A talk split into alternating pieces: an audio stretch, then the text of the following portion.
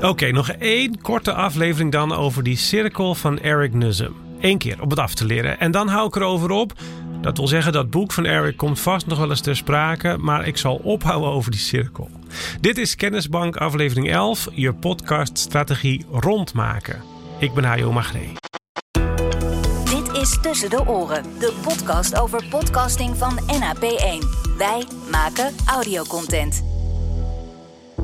Oké, nog heel snel even samenvatten. We hebben het over podcast, strategie. We hebben vier elementen op een cirkel gezet. Probeer jezelf even een plaatje voor te stellen, een cirkel dus. Er staan geen cijfers op die cirkel hoor, maar als het een klok was, dan vond je bovenaan bij de 12 zij, onderaan bij de 6 jij, rechts bij de 3 vond je wat en links bij de 9 vond je waarom.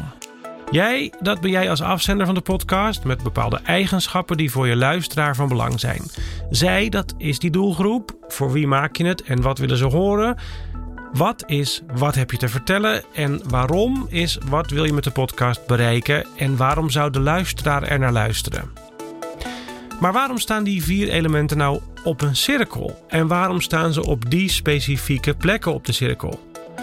Eric Nussum zegt daarover, nou, zij, de doelgroep, die staan bovenaan. Omdat de doelgroep, de mensen voor wie je het maakt, het allerbelangrijkste is. Altijd als je vastzit in het maakproces, keer je om te beginnen terug naar hun, naar de luisteraar. Wat wil die?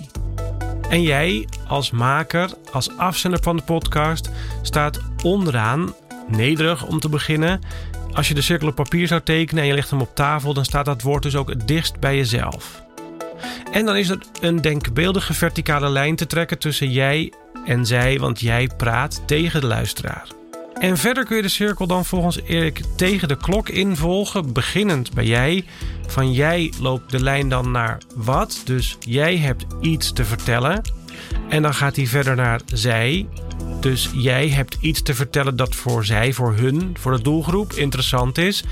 En dan gaat hij verder naar waarom, want de doelgroep heeft er iets aan.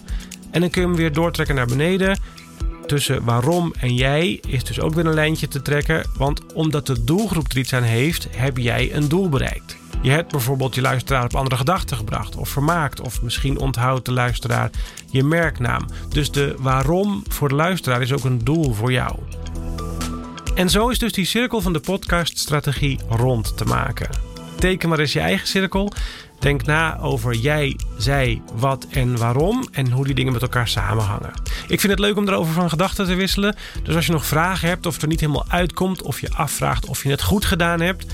Uh, nou, ik weet niet of ik sluitende antwoorden heb, maar ik kan in ieder geval meedenken. Je mag me altijd mailen op hajo.nap1.nl. Ik zal tot slot nog één keer dat boek noemen: Make Noise van Eric Nussum, A Creator's Guide to Podcasting and Great Audio Storytelling.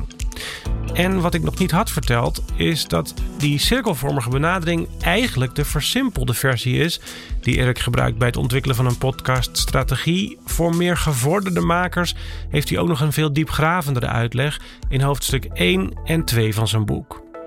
Dat was het. Je kunt de informatie uit deze aflevering ook terugvinden in de podcast Kennisbank op onze website. Dit was Tussen de Oren van NAP1. Wij maken audiocontent. NAP1.nl